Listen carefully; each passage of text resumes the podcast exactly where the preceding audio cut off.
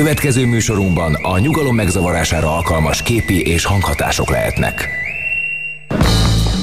Nevezd meg a három kedvenc filmedet, és megmondjuk ki vagy. Charlie Angyalai, Titanic, 51. randi. Te egy igazi plázacica vagy. Öm, kérlek, Berlin fölött az ég, aranypolgár, és természetesen a patyomként páncélos. Te egy menthetetlen snob vagy. Hát kutyaszorítóban keserű méz, Leon a profi. Te egy tipikus budai értelmiségi gyerek vagy. Egy dolog viszont közös bennetek. Mindegyik ötökre ráfér, hogy hallgassátok a hétmesterlövészét.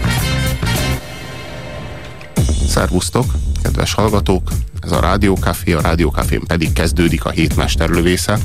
A Café DVD ajánló magazinja 0629 98 98 az SMS számunk, amit először is a figyelmetekbe ajánlunk. Hogyha óhajtanátok hozzászólni a adásnak a tematikájához, akkor ezen megtehetitek Puzsér Robert és Farkas Attila Márton köszöntiteket a stúdióból. Na, sziasztok! A mai adásban a második világháborút feldolgozó filmekkel fogunk foglalkozni olyan filmekkel, amelyek kifejezetten a valaha volt legnagyobb világégésnek az emlékét próbálják meg fenntartani a ti tudatotokban, dokumentálni így vagy úgy valamilyen módon. Van, amelyiknek tulajdonképpen csak eszköze, van, amelyiknek kifejezetten célja, van, amelyik ebből egy nagyon izgalmas krimit, kémsztorit, drámát, vagy egy nagyon-nagyon-nagyon ütős háborús filmet produkál. Tehát ilyen is van, olyan is van igazából a műsor első órájában a nyugati fronton fogunk kalandozni. Aztán pedig áttérünk az igazi frontra, a keleti frontra. Az, az is egy, az, is egy... az, az operett frontról a valódira. Igen, az, azok, akik nincsenek igazán tisztában a történelemmel, és viszont nagyon sok amerikai filmet láttak a második világháborúról, hiszen a legnagyobb költségvetésű és a legszebb kiállítású filmeket mégiscsak az amerikaiak csinálták a második világháborúról, azok azt gondolhatnák, hogy a második világháború az úgy nyugaton legalább annyira zajlott, mint keleten. De ez nem igaz. Tehát mindenki tudhatja, hogy mondjuk tíz német katonából nyolc a keleti fronton harcolt és halt meg. És akivel tisztel jó ki akartak szúrni, azt büntetésből mindig a keleti frontra küldték, kivéve a fanatikusokat, akik maguk jelentkeztek oda. Na most a második világháború jó, hogyha mindenki tudja, a keleti fronton dőlt el. Tulajdonképpen a keleti fronton zajlott a második világháború, de nyugaton az egy tényleg egy operett háború volt, azt lehet mondani. Hát volt egy-két ínyenség, mint London bombázása, de alapvetően azért Hát igen, csak akkor még nem, csak akkor még nem volt, volt az emberveszteség. Hát igen, akkor még nem volt keleti front. Meg a kegyetlenség is. Hát a másik az az, hogy nyugaton egy hagyományos értelemben vett, hagyományos keretek közt zajló, úgymond bizonyos értelemben lovagias, a Genfi egyezménynek a, a szellemében zajló háború folyt. Keleten, keleten nem volt pardon. Keleten totális háború folyt, ezt a, ez a fogalom ez akkor született meg tulajdonképpen. A totális, háború, hát a totális háború az azt jelenti, hogy semmiféle szabályok nincsenek. Tehát, hogy így igazából nem egy hadsereg harcol egy másik hadsereggel szemben, hanem egy nép harcol egy másik néppel szemben, és nincsenek civilek. A totális háborút azt, azt jellemzi, hogy nincsenek civilek, és nincsen olyan kategória, hogy háborús bűn. Persze a háború után a győztesek azok mindig megrendezik a maguk pereit, ahol újra, fel, újra felmerül ez a kérdés, hogy háborús bűn. Na egyébként közbevágnék valamit, vagy közbevetnék valamit.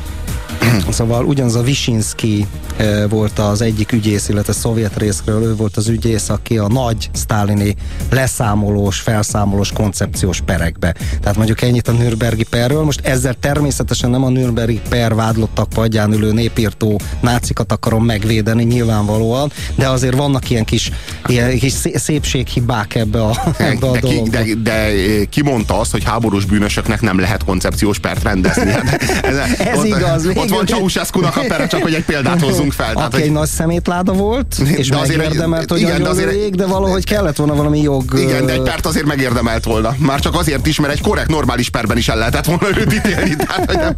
De gyorsan kellett intézkedni. Persze, mert hát amíg él a diktátor, addig, addig még visszafordíthatóak a folyamatok. Ha meghalt hát, a diktátor... Másrészt meg szerintem tud egy csomó mindent. Azokra vonatkozólag, akik őt elítélték, ott ültek a izé, nagy népi, nemzeti, mit tudom én, milyen számonkérő szék tagjaiként. Igen, igen. De hát még azelőtt le kell lőni, mielőtt szóhoz jutna. mielőtt még a tanúvallomását elmondhatná, vagy mondjuk a saját maga védelmében szó, szóra el, emelkednék. Szóval a, a filmek, amelyekről beszélni óhajtunk, azok a nyugati front történéseit dolgozzák fel az első órában, és itt az első fél órában rögtön egy nyugati szemléletváltásnak lehetünk a tanúi abban a filmben, amely film a Halál 50 órája. A Halál 50 órája című film elkészülte előtt, meg még sokáig utána is, amerikai filmekben a németeket mindig és kizárólag és csak is úgy lehetett mutatni. Mint vámpírokat. Mint örjöngő, örjöngő pszichopata állatokat. Akik a, tehát, hogy hát, így, mint a szovjet filmekben. Ah, hát igen, hát mint ugyanaz. a szovjet filmekben, vagy mint, vagy mint gyakorlatilag mindenhol. Tehát, hogy hogy is fogalmazok, nem volt különbség a között, hogy német, és a között, hogy náci. De, és a köznyelvben is a második világháború során a német az nácit Persze. jelent. De nem. Hadd szögezzük le, hogy nem. Megölték Ugyanis, őket a németek, ugye? Kifejezés. Elvitték a zsidókat a németek. Tehát ez a, igen, egyrészt, másrészt pedig a náci hadsereg. Tehát a Wehrmachtot gyakran hívják így, hogy a náci hadsereg. Tehát nem. Tehát lássuk a különbséget. Ö, attól, hogy magyar voltál a 80-as években, még nem voltál komcsi, ugye? Nem volt szükségszerű. Lekomcsizták most... nyugaton sok helyen. Hát a, igen, az a, a hasonló, primi, hasonló primitívség, persze, mint amire persze, most próbáljuk persze, a figyelmet persze. felhívni. Tehát a német az egy nép, egy társadalom. A náci az meg egy mozgalom, egy párt az nem ugyanaz a kettő. Fogadjunk, és... hogy lesz olyan SMS író, aki beírja, hogy na de mindenki megszavaztott Hitlert, és az egész német nép részese volt, és örjöngött. Na de várjál, de még egy moment bitte. Hogyha, hogyha stílszerűen, hogyha tegyük fel, én még hogyha adott esetben megszavazom, hogy az a párt kerüljön hatalomra, attól én nem leszek náci, mondjuk még hogyha akkor se, hogyha adott esetben Hitlerre szavaztam, tehát az, hogy valaki náci, az nem azt jelenti, én nem hogy volt egy választás. Én nem mondom, hanem ja. hogy tutira veszem, hogy lesz ilyen vélemény. Bizony Hitlernek Németországban igen nagy volt a társadalmi legitimitása, és a náciknak nagy volt a társadalmi legitimitásuk, és bizony a nácik mögött nagyon sokáig nagyon-nagyon nagy tömegek álltak, és a német társadalom nagyon nagy mértékben azonosult a nácik nácikkal és a nácizmussal. Ezt nem szabad letagadni. De nem jelenti a két szó, a két fogalom ugyanazt. És ez az első film a nyugat, tulajdonképpen a nyugat történetében, a nyugati filmművészetnek a történetében, ami a második világháborús német szerepvállalás ábrázolásában a náci fogalomkörét és a német fogalomkörét külön, külön választja. És, és úgy mutatja be, úgy tudja bemutatni a Wehrmachtnak, a német hadseregnek, ami nem azonos az SS-szel, tehát azt, ezt is lássuk, hogy az SS az a náci rohamosztag. A Wehrmacht, az pedig a német hadsereg. Tehát, hogy itt is, itt is létezik egy különbség. Amikor, a, amikor, a, amikor SS katonákról beszélünk, azokra azt mondhatjuk, hogy igen, ők nácik, ők Adolf Hitlerre esküdtek föl. A, ő, ők nácik. De amikor a Wehrmachtról beszélünk, akkor tudjuk, hogy az a német hadsereg. a, amelyik, nem amelyiket, Hitler? egyébként, amelyiket egyébként a, a, a nácik uralnak, de a... Na igen, tehát azért valószínű ők is a Führerre esküdtek föl, nem? Nem, nem, nem. Hát nem, ugyanúgy, hogy az nem, első világháborúban a császárra meg. De, a... de ne, az, az, az, az SS az közvetlenül a, a náci pártnak a parancsnokság alatt állt, nem a hadügyminisztériumnak. Én most az eskü szövegére gondoltam, világos, világos. Az SS az olyan volt, mint az NKVD, vagy a, igen, mit igen. tudom én, az AVH, meg ez, igen, persze, igen, meg ráadásul egy szektaszerű, igen, ahogyan igen. általában politikai... Tehát ahogyan a magyar néphadsereg sem komcsi hadsereg volt, hanem a magyar néphadsereg. És külön és választandó a munkásőrség. Igen, és külön választandó a munkásőrségtől, meg, a, meg, a, meg az AVH-tól, meg, a, meg az AVO-tól, tehát ez, ezek más, tehát, és ezek, ezek fontos különbségek, és ez az első film, ahol ez a különbségtétel megtörtént. Na most, ö, ö, és ez az a film, ami, ami szintén fontos, ahol először tudták úgy ábrázolni a németeknek ezt a félelmetes, brutális, harci eh, morálját. morálját, hogy abban nem félelem és gyűlölet sugárzott, hanem valamiféle ö, megértés, valamiféle, valamiféle talán még azt is tudom mondani, hogy tisztelet. Valamiféle tisztelet az Respekt. ellenség iránt. Igen, Respekt, igen, igen. Ja, Ha, ha tudjátok, hogy a halál 50 órájában az a bizonyos jelenet. Amikor, amikor énekelnek, ugye? Amikor igen, amikor amikor Hessler ezredes látni szeretné azokat a katonákat, Robert akik Shaw-ról van szó, egyébként egy Robert kiváló amerikai imádjuk. színészről. Szeretné látni azokat a katonákat, akikkel harcba kell vonulnia és akkor felsorakoztatja őket, és látja, hogy csupa gyerek. Hát kik maradtak gyakorlatilag? Ez a film a második világháború végnapjaiban játszódik, 44 telén játszódik, 44 karácsonyán játszódik ez a, ez a film. ez egy megtörtént hadművelet egyébként. Szóval konkrétan ekkor felsorakoztatja őket, és látja, hogy mind gyerekek. És igazából nem hisz, nem hisz ebben az egészben. És akkor az egyik kis katona elkezd énekelni.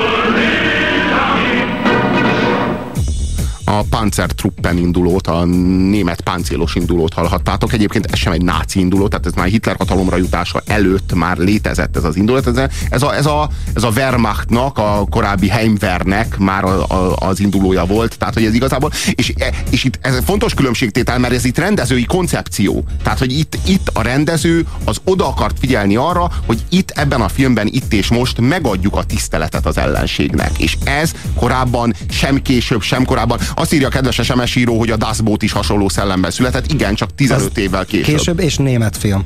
És egy német, és film, német, és egy német filmről beszélünk. el, így igen. van, egyébként remek film a Das Boot. Film. Beszéltünk róla régebben. Igen. Visszatérve azonban azért itt, itt is megvannak azok a csúnya dolgok. Tehát ugye kivégzik az amerikai hadifoglyokat, egy SS trupp.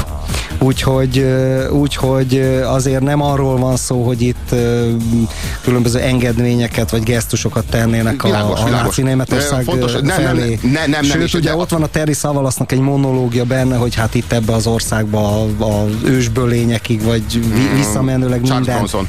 Charles Bronson mondja? Igen, igen, igen ősbölényekig mindent vissza kellene...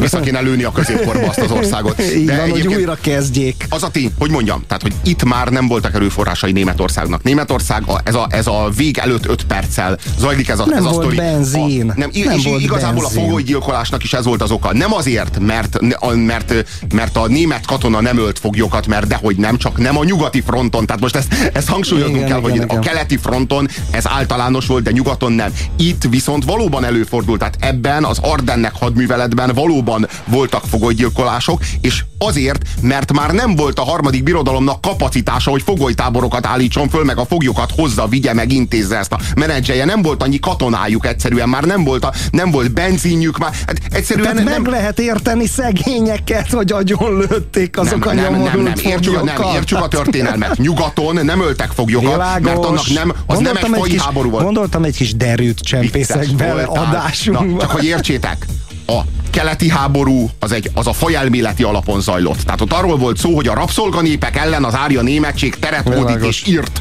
Nyugaton a, a nyugati háború, csak a zsidókat vitték el. A nyugati háború az viszont egy revans háború volt, ami, a, ami, nem, a, ami nem, nem egy fai háború volt a franciákkal adott esetben, hanem egy revans volt az első világháborús vereség és az azt követő békeszerződések okán. Tehát... Ugyebár ismerjük a sztorit, hogy Hitler abba a vasúti kocsiba iratta alá a franciákkal a megalázó békeszerződést, amiben annak idején a németekkel iratták alá a franciák.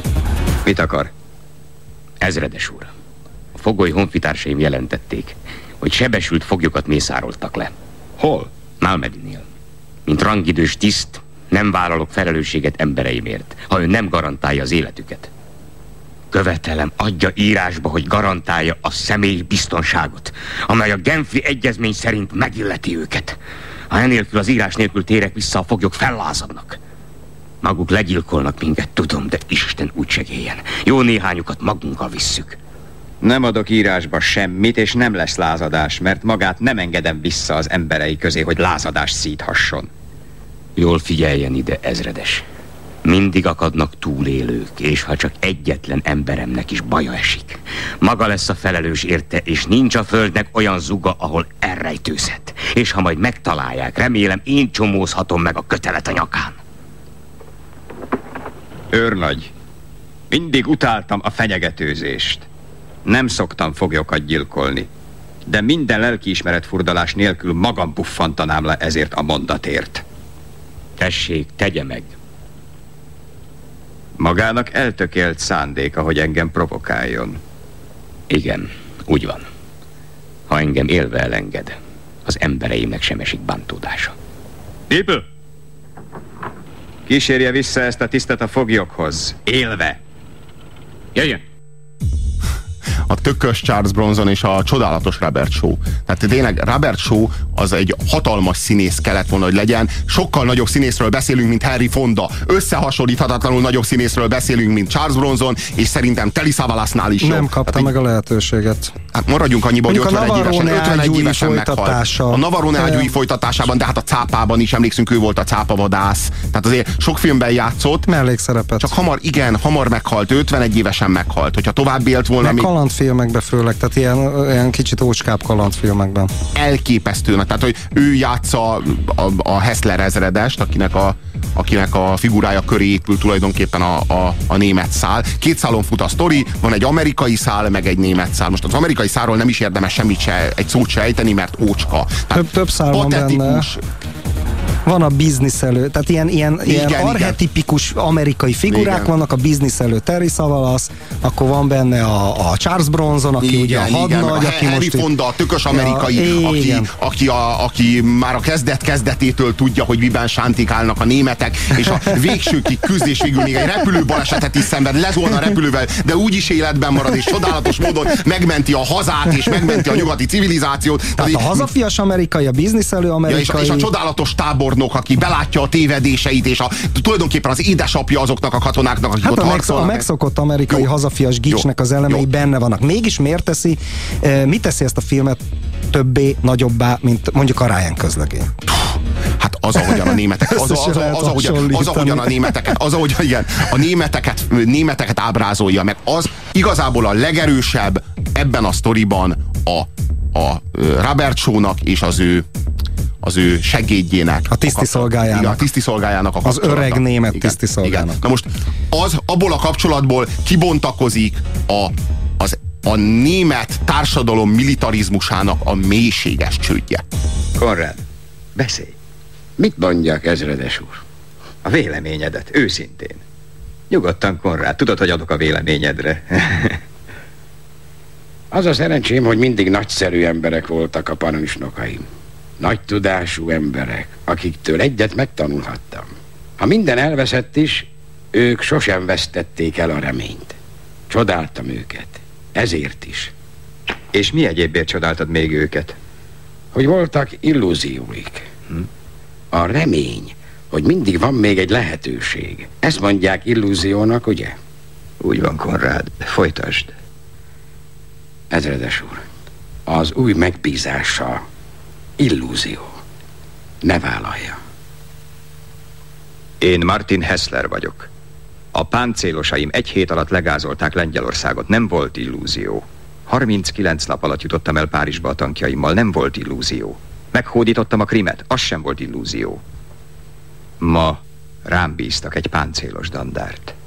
És egy páncélos dandár valóság. Nagyon kemény dumák. Írja a kedves SMS író. Halál 50 órája, kabaré.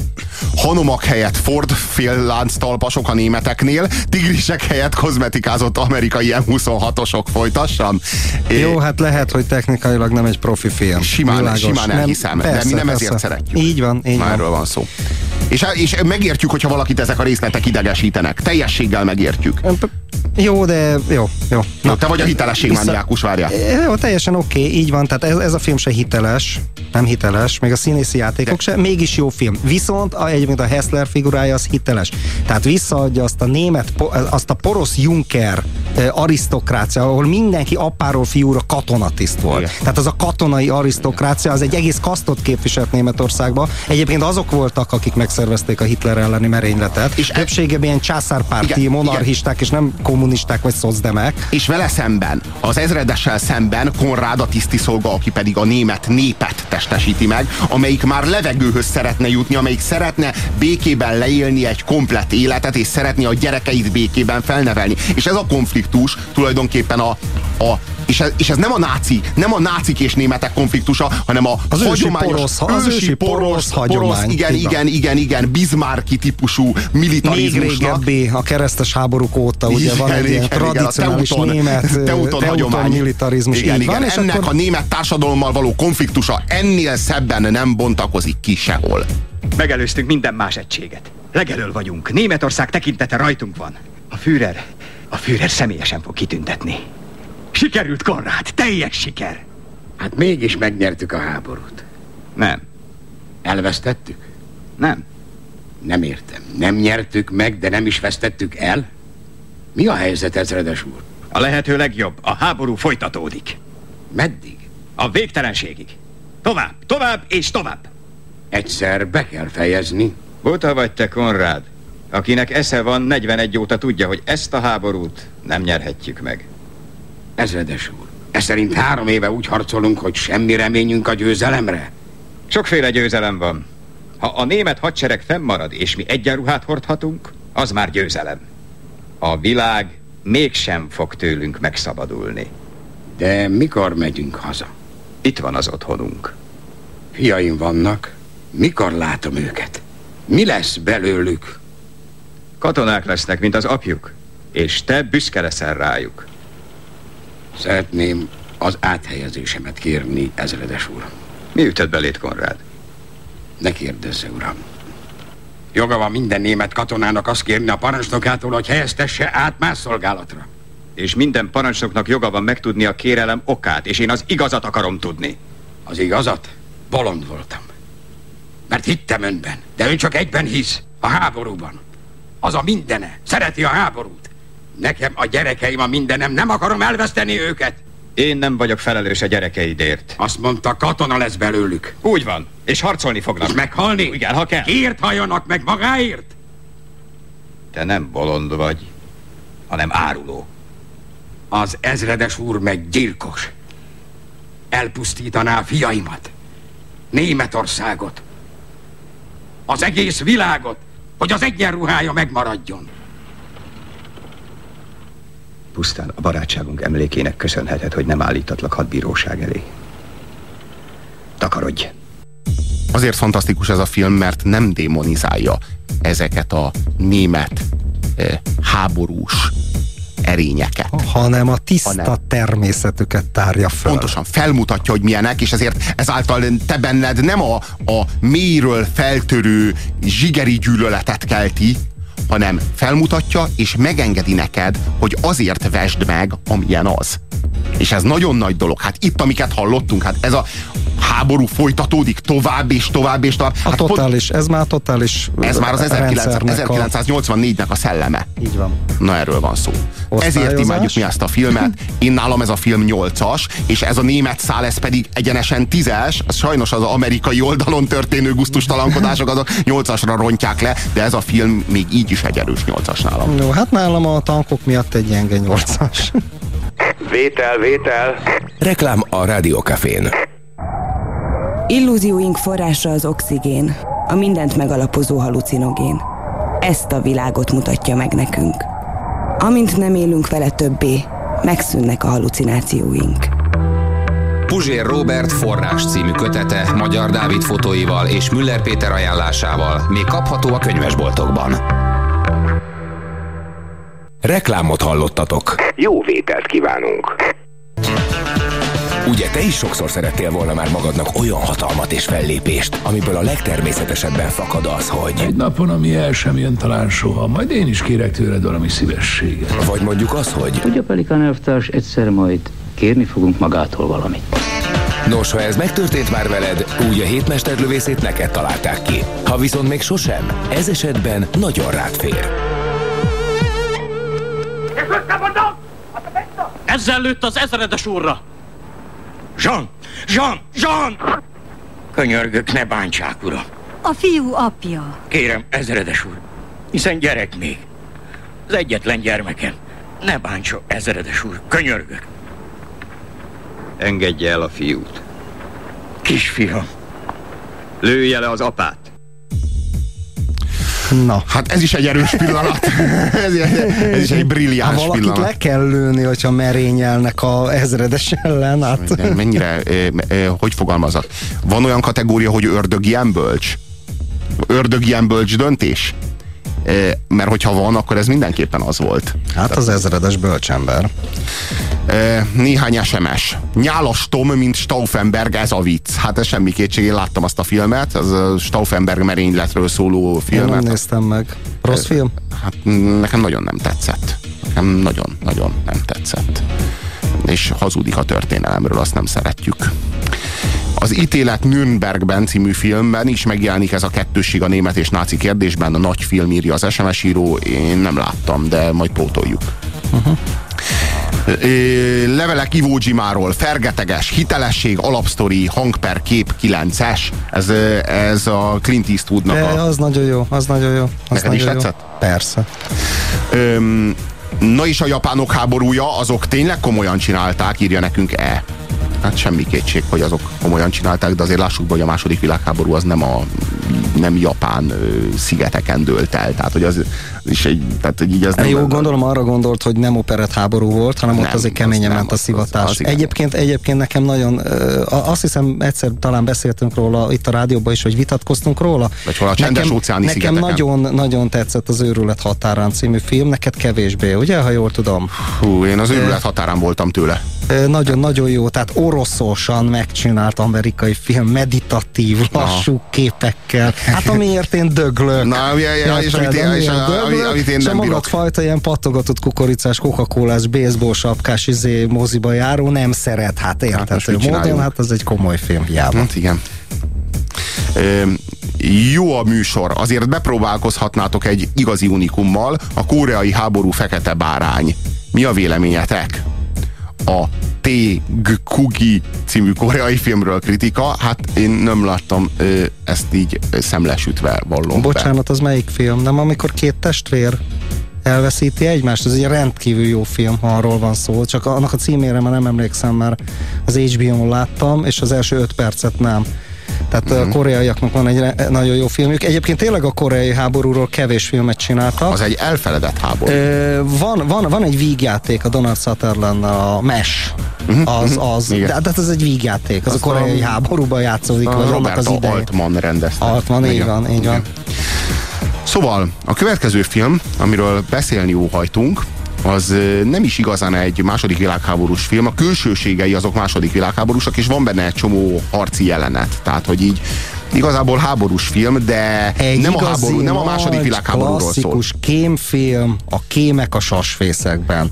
E- ehhez, e- erre hagy mondjak valamit, egy nagyon személyes dolog, ritkán szoktam az éter hullámosszá én az ilyeneket megosztani a hallgatókkal.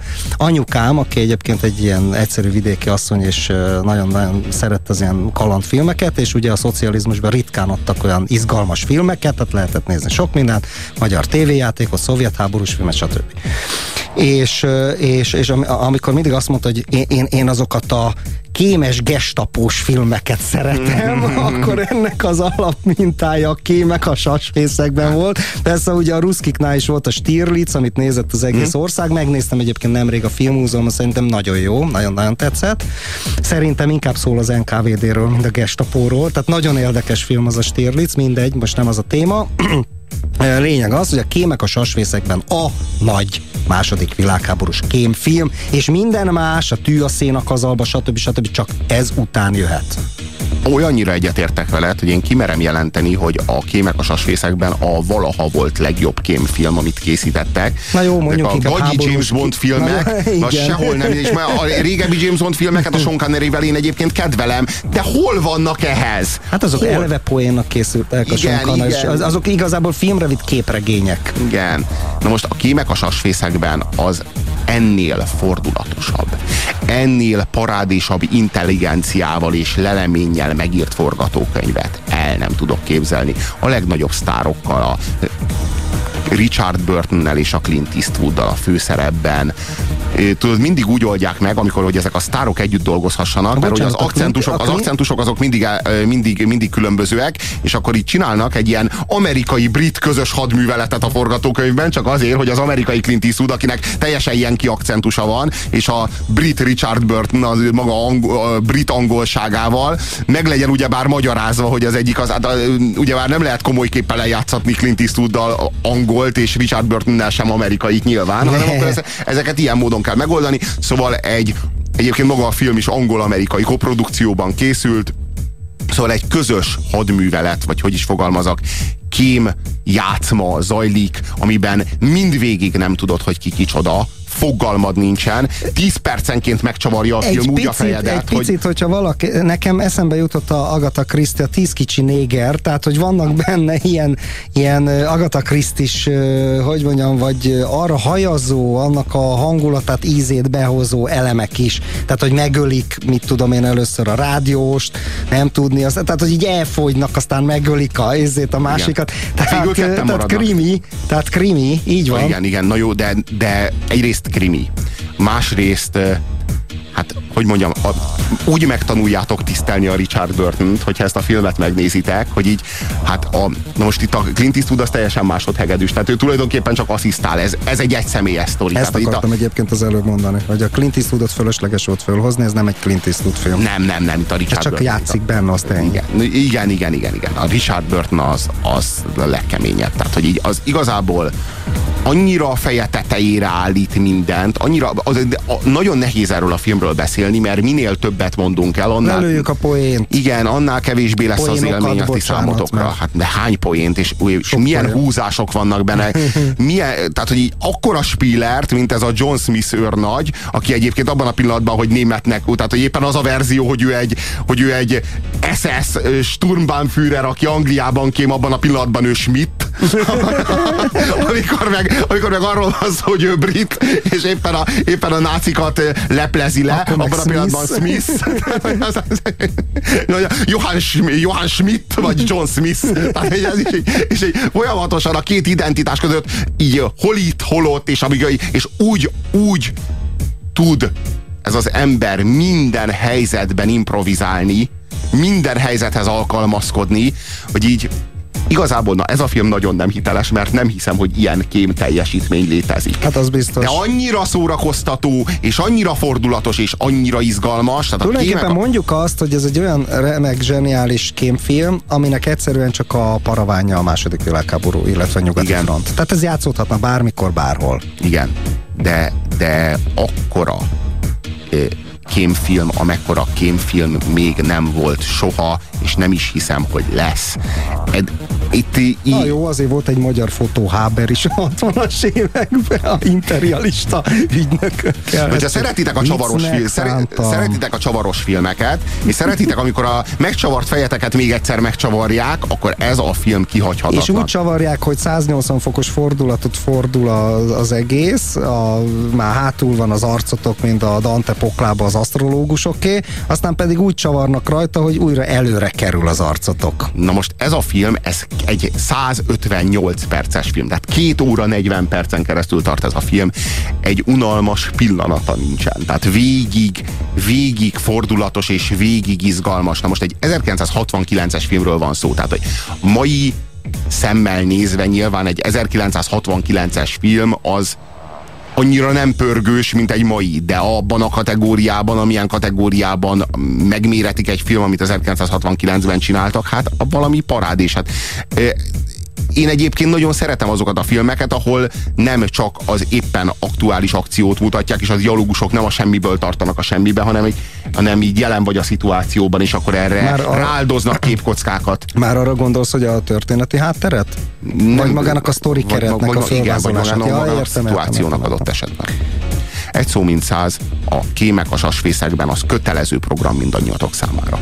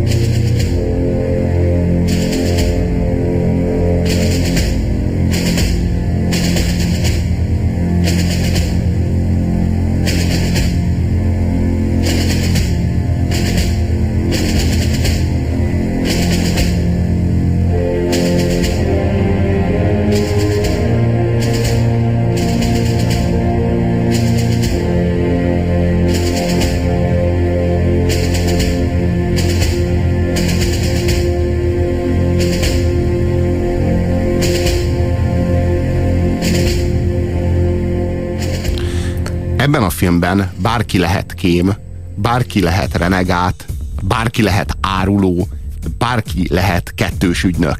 És nem lehet tudni, hogy éppen milyen megbízásban van. Tehát, és nem lehet tudni, hogy éppen a kettős ügynök az most épp melyik féltől kapott megbízáson dolgozik.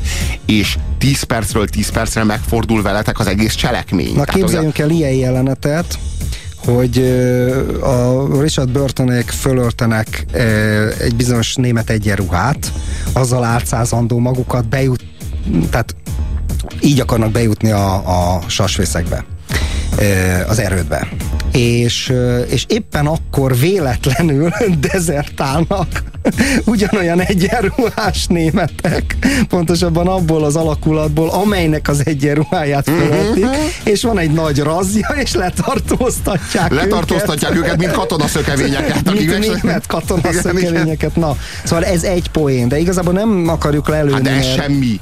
De ez hát semmi. Se, igen, csak Na, azt mondtam, hogy a filmnek a szellemiségé, az, az ilyen poénak, ezek nagyon... Abszolút hozzátartoznak, és, de, de, és, és, és, hát mondom, eszünkben sincsen elmondani azokat a gigantikus fordulatokat, amik a film végén történnek, amikor... Na, ja, lényeg az, hogy az identitások állandóan meg vannak benne kérdőjelezve. Ki igen, az ellenség, ki a barát, ki a beépített, ki a kettős ügynök, stb. stb. Igen, igen, igen. Tehát, hogy így a, Hú, tényleg olyan, hogy egyébként így többször is meg kell nézni ahhoz, hogy igazán, igazán értsd. Hát ezért így... kellett nekem egyébként most újra néznem, mert én legtöbbször nem nézem újra azokat a filmeket, amikről beszélünk, mert többségében, tehát mondjuk jó 90%-ban emlékszem meg arra is, amit 20 éve láttam, ha megragadott. A kémek a sasvészekben annak idején megragadott, és elfelejtettem egy csomó csavart, hát meg részletet belőle, szóval... Milyen érzés volt újra nézni?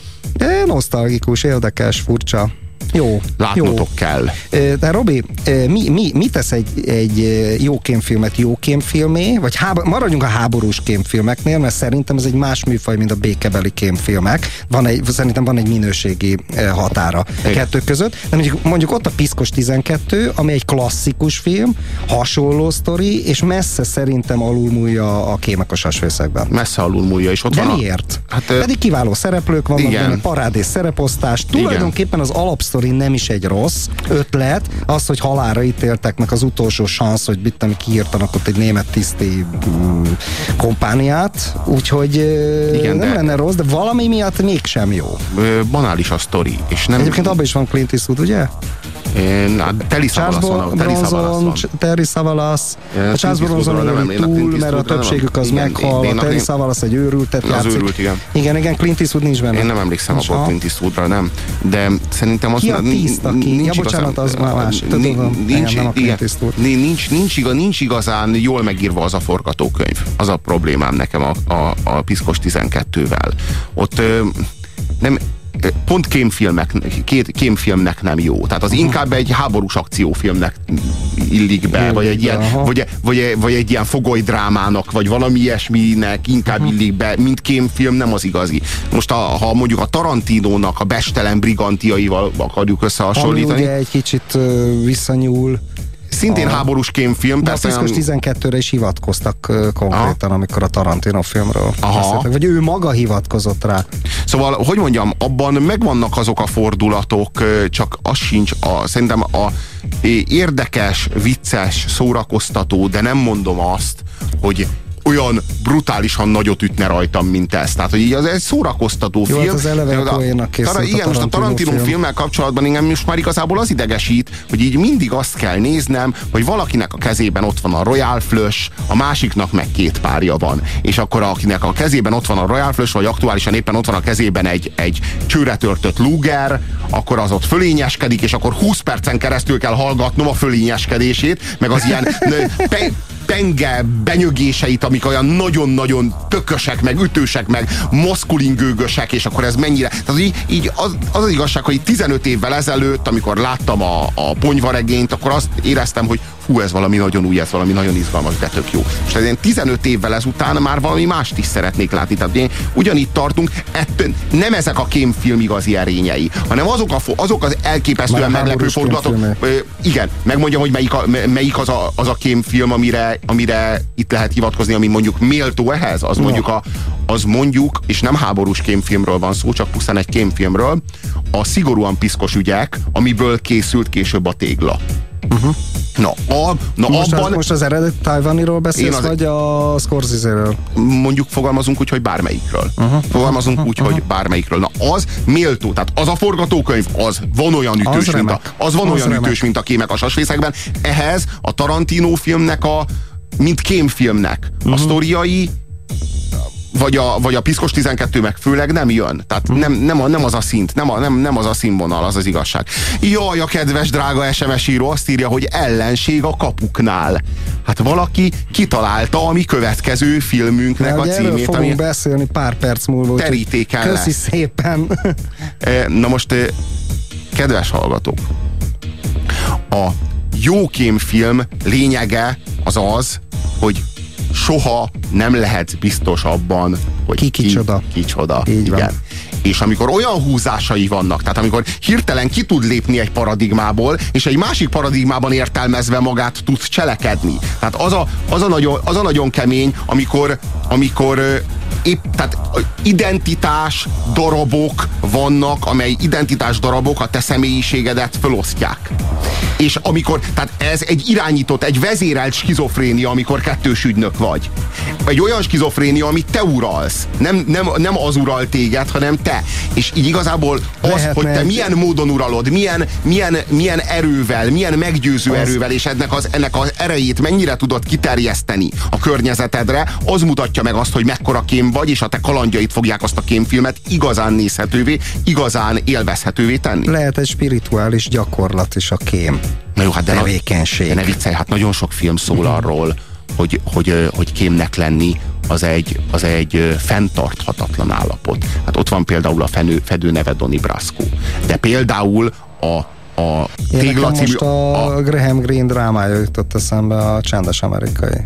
Az is. De, de, de például, a, de például a, a téglában is megvan ez a, ez a szál. Jár a pszichológus nőhöz, hát, mert igen, ki van bukva. Teljesen, hát ki, teljesen ki van borulva. Hát így nem tudod, hogy ki vagy. nem jár a pszichológus, az az ott brillírozik, és Richard, ellenében van. Richard Burtonnek nincsenek ilyen problémái. Nem, hát az az igazság, hogy, hogy nem lehet föntartani egy olyan pszichét, amely folyamatosan ketté van osztva. Tehát, hogy így e, van egy van egy személyes identitásod. Egyébként az ID, Ezért... az ID című film, ami szintén egy kémfilm, amiről beszéltünk nem olyan hát régen. is az. Az, a, van, az identitás, vagy a személyazonosság című Azonosul film. Azonosul a futballhuliganizmussal. Ő is egy kém, ő is egy kém. Így van, Nincs, így van. Nem, le, nem föntartható az 50-50 százalékos megosztottság. Tehát nem lehet azt mondani, hogy a munkaidőmben ez az ember vagyok, a szabadidőmben meg az az ember, mert ezek az identitás A Donny Brasco erről szól, az kifejezetten erre a problémára a, hegyezik ki az Donny Brasco is egy kiváló film, és milyen ilyen kiváló, talán egyszer érdemes is lenne a műsorunkra tűzni. A, a fedőneve Donny Brasco-ban az a jelenet, amikor a csizmát nem hajlandó levenni, mert alatta van a diktafon, ugye? A japán étteremben. Az mekkora jelenet? Az egy brilliáns Én azt, azt hittem, hogy azt fogod mondani, amikor már otthon, meg a rendőrségen, a tulajdonképpen a munkahelyén, a megbízói között is a, a maffia szlenget használja, mert rászokott. Arra a gondolkodásmódra, és arra a nyelvezetre.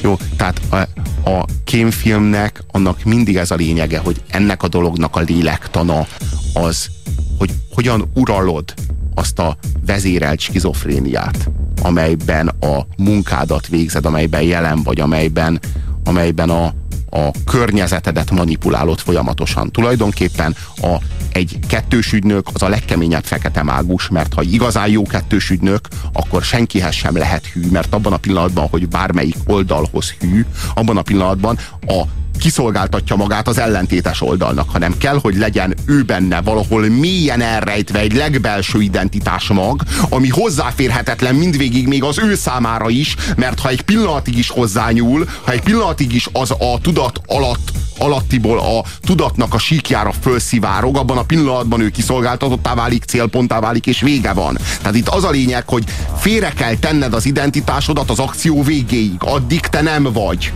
Addig te a szerepeidben létezel. De ez egy kemény feladat ennél nincsen keményebb feladat. Ennél nincsen. Ennél, tehát, hogy ez, és színészként eljátszani a színészt. Richard Burton. Tehát, hogy ez, itt egy olyan színész, aki eljátsza, hogy ő egy ügynök, aki eljátsza, hogy ő egy német ügynök. Egy brit ügynök játsza a német ügynököt, játsza a Richard Burton, az angol színész. Sokszoros multiplex hasadásos személyiségzavar. Na hát ezért szeretjük nagyon. Én az én tízes skálámon a kémek a sasfészekben egy erős kilences. Nekem nyolcas. Vétel, vétel. Reklám a Rádiókafén. Amit megőrzök, abban halandó vagyok. Amit megosztok, abban múlhatatlan vagyok. Amiről lemondok, abban halhatatlan vagyok. Amit feláldozok, abban örökké való vagyok. Puzsér Robert forrás című kötete Magyar Dávid fotóival és Müller Péter ajánlásával még kapható a könyvesboltokban. Reklámot hallottatok. Jó vételt kívánunk. Ugye neked is volt már olyan rémálmod, amiben arra ébredtél, hogy... Két alvó, halihó, talpra fel! Rögtön bundacipőt húz, mert írtó hideg van odakint. Minden nap túl a cidri. Hát nem a Miami beach vagy. Nem bizony, de nem ám. Olyannyira nem, hogy itt még útra kelni sem érdemes, mivel jön az a sok apró fehér izé. Fehér izé? Uh-huh. Ja, az a fehér izé. Ho, ho. Az időjárás jelentés. A meteorológiai intézet szerint ő havazás várható. De még mekkora? Ám de nem is ezért vagyok ilyen izgatott, hanem egészen másért. Talán a hideg miatt? Persze, hideg is lesz. De a nagy kérdés, mely már ott motoszkál minden fejben. Minden átfagyott fejben. Minden átfagyott fejben, hogyha felébred Phil, meglátja-e az árnyékát? Punxsutawney Phil. Egy kijöhetsz. Marmota nap van! Kelj fel, ne aludj, mint a tejfel!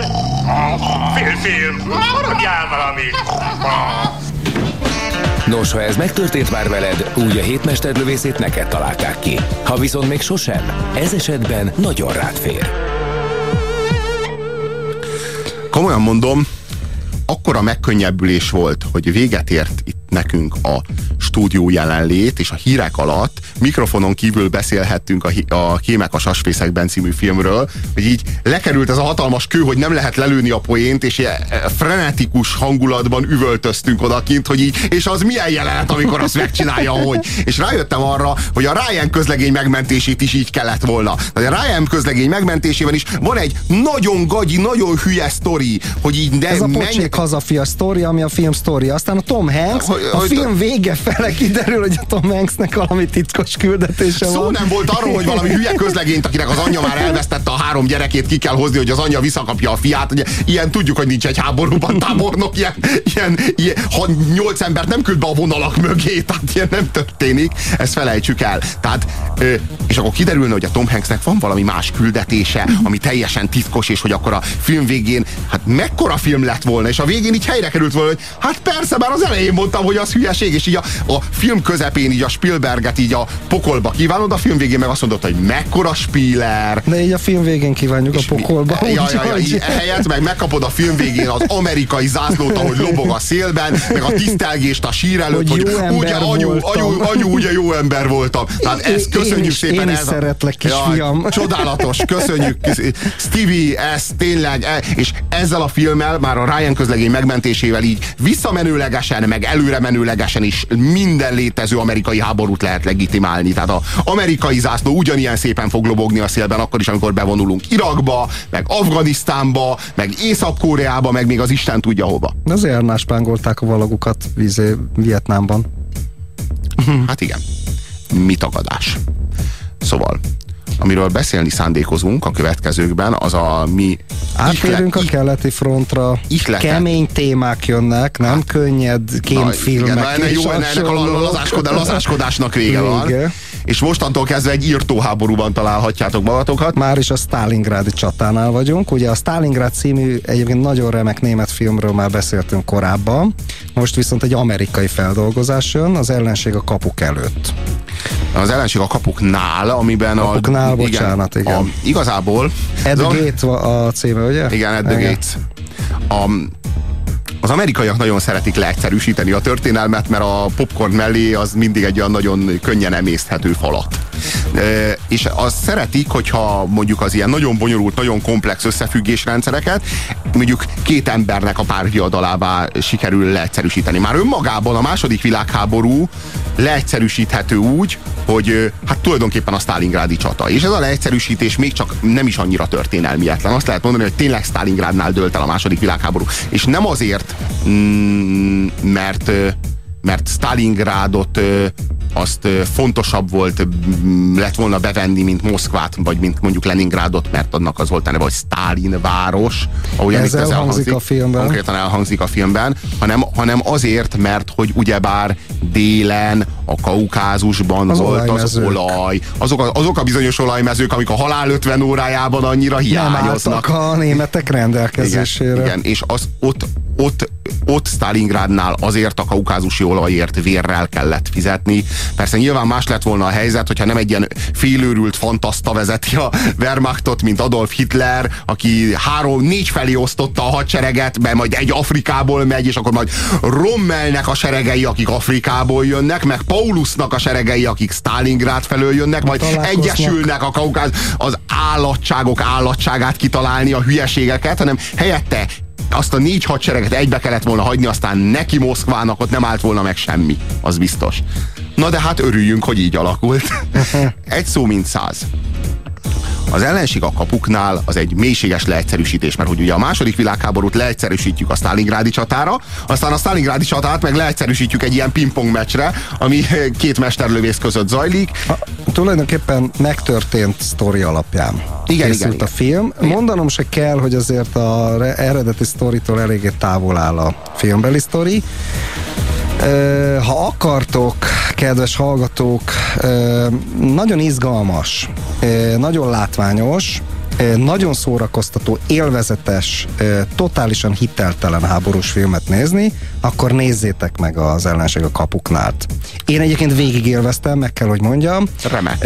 A, a egyetlen színész tetszett igazából nekem az Ed Harris, aki a német őrnagy, a König őrnagyot, a német arisztokrata mesterlövészt játsza. Királyt jelent, a királyt jelent a neve egyébként.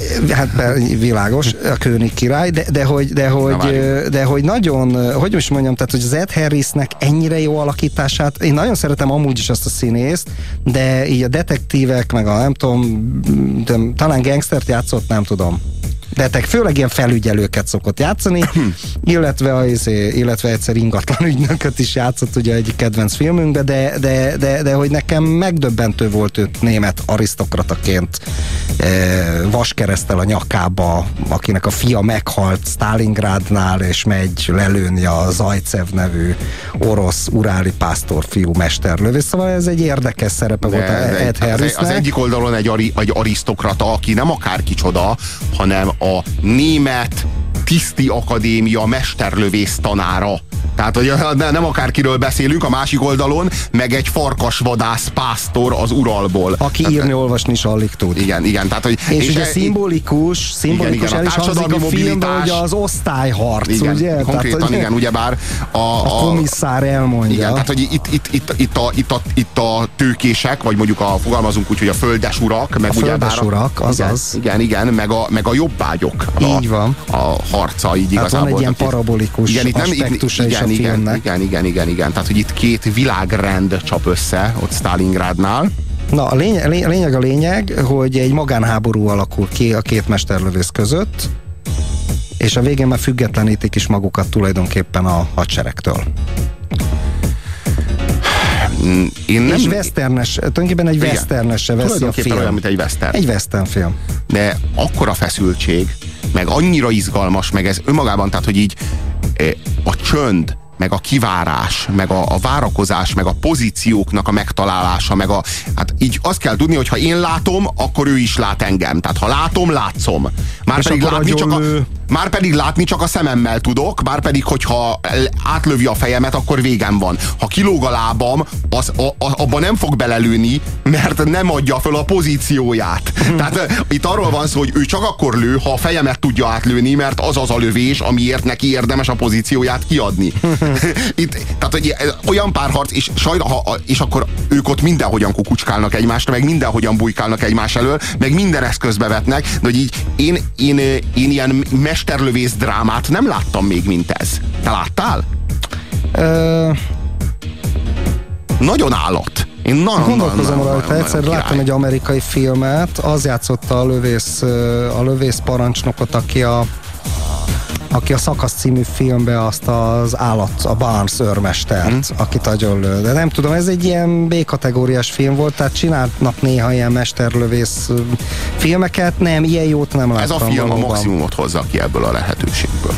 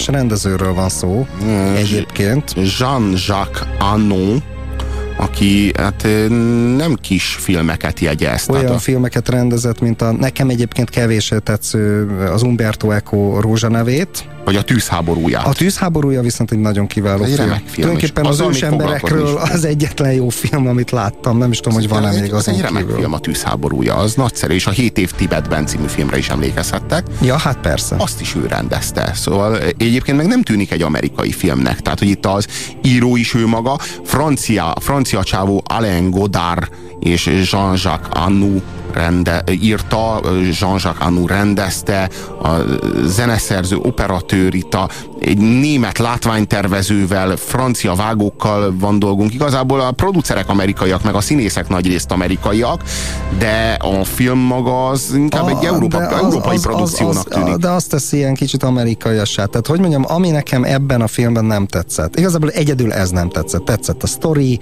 tetszett a látvány, izgalmas volt, szórakoztató volt, jó volt. Azért mondtam, hogy hiteltelen, mert én mai modern amerikai pofákat és gesztusokat látok, meg szövegeket a filmbe. Egyszerűen egy 40-es évekbeli orosz nem így néz, nem így mimikázik, nem így beszél. Ennyi. Tehát ez a, nem tudnak az amerikaiak magukon kívül hitelesen mást játszani. Annak idén a barokk témájú filmek kapcsán beszéltünk, képtelenek történelmi korokat hitelesen ábrázolni, képtelenek más nemzeteket, más kultúrákat, hitelesen ábrázolni. Nem tudnak az amerikaiak amerikai témákon kívül hitelesen ábrázolni semmit. Nekem ez, ez, ez, ez régi tapasztalat. Amikor Danilov politikai tiszt és Vasili Zajcev messerlövész kölyök megboxolják egymást. Megboxolják egymást, tehát az hát, nagyon hogyha, jenki. Hát, nagyon jenki. Abszolút jenki. jenki. Így van, tehát ezek rontják le a filmnek a színvonalát. Igen, Ed Harris viszont nagyon nem jenki. Tehát e, igen, az, egyébként azon teljesen csodálkoztam. Azon teljesen, teljesen hozza a német uh, arisztokrata. Ez is az a porosz Juncker. Uh, jó, mondjuk Bajor gróf, de valahol az a, az, az, a, az, az a kultúra, ugye, ami a porosz Junckereké, tehát ez a ősi nemesi családból származó militáns hagyományt követő figura. Szóval azt írja a kedves SMS író, és az elején a volgai átkelés, Na, az is elég beszélni, ütős, hát az nagyon jó, az nagyon-nagyon-nagyon jó. Hát az, az brilliáns igazából. És azt mondod, hogy nem hiteles ez a film, tehát amikor hajtják át őket a volgán... Nem az nem a... hiteles, ahogy eljátszák. Jó, Egész igen, más. Jó, más, az, más, más. Én, na, ami, amit az elején láttok a filmnek, az a parafrázisa a Ryan közlegény megmentése el, el, el, első jelenetének, ahol ugye a normandiai partraszállást látjátok. Egy negatív parafrázis. Igen, igen. Hát most képzeljétek el, a Volgán való átkelés, szintén egy partraszállásról van szó, amikor bevetnek és legesleg először vagy a fronton, és el kell indulnod előre. Lezárt Hogyha... vagonokba visznek ki katonaként, igen, igen. föltesznek a hajóra, végig pofázik a, a komisszár elvtársa, a politikai tiszt, akinek van fegyvere, neked nincs. Fölolvas mindenféle anyáknak a hazafias buzdító leveleit, hogy halljatok meg a hazátok és stb. És közben a németek egyfolytában lövik őket na, már most a vízben. Az, na most azt, képzelj, na, most azt képzeljétek el, hogy vannak géppuskák, de azokat nem fogják a németekkel szemben bevetni, mert az nekik sokkal drágább annál sem, hogy azok valaki elejtse, vagy valaki, vagy mondjuk az gazda nélkül maradjon. Az az NKVD-sekre van bízva. Az NKVD-sek azok csak arra figyelnek, hogy vissza ne fordulhasson senki. Aki visszafordul, azt ott az NKVD-sek lövik le. Hát Aki meg előre szalad, a, a, azt meg a németek, az meg lövik, németek le, lövik le. fegyvere. Igen, igazából, Egyébként... igazából, igazából két lehetőséged van. Vagy hősként halsz meg, vagy gyáva kutyaként halsz meg, de hogy meghalsz, az egészen biztos. Stalingrad az nem egy túlélős játszma. Tehát az nem egy olyan, az egy, nem, egy, nem egy olyan szituáció, amelyből élve ki lehet kerülni, amint azt a következőkben hallani fogjátok. Akinél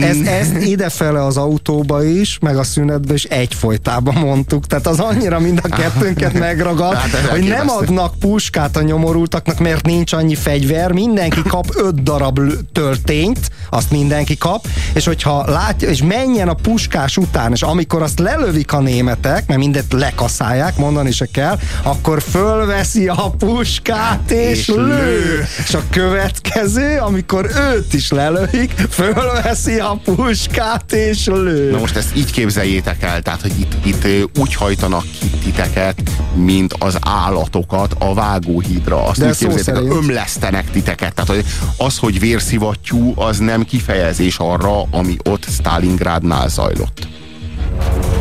Teljesítettem a parancsot. Az összes fiamat beküldtem. De a németek ránk zúdultak. Van tüzérségük légierejük, tankjaik. Na és nekünk mink van? Az ellenállás szent kötelessége. Jelentenünk kell a főnöknek. Talán jobb lesz elkerülni a bürokráciát.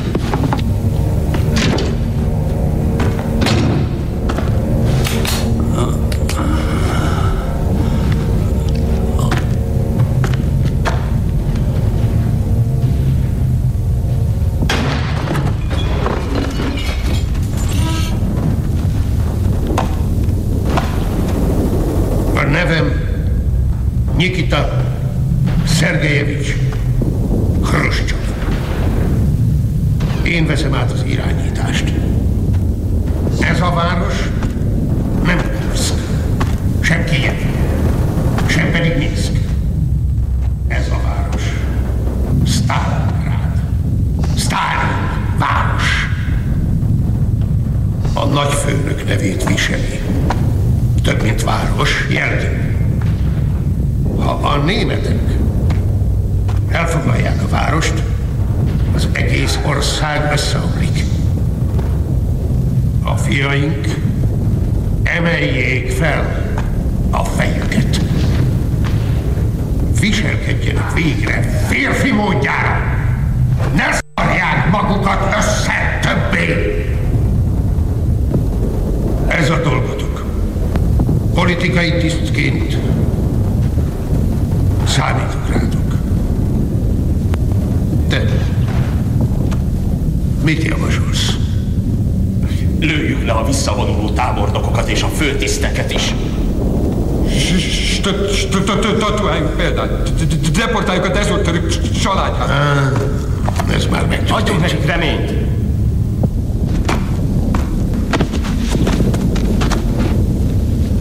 Az embereket vagy a németek lövik le, vagy mi. De van egy másik út. A bátorsági. A szülőföld szeretetéé. Legyen újra hadiújság. Mondjunk nekik csodás meséket önfeláldozásról, vitészségről. Higgyenek a győzelmünkben. Adjunk nekik reményt, büszkeséget, vágyat a harcra. Igen, példát kell statuálnunk, de követendő példát. Nekünk egy hős kell. Maga ismer errefelé hősöket? Igen, elvtárs. Ismerek.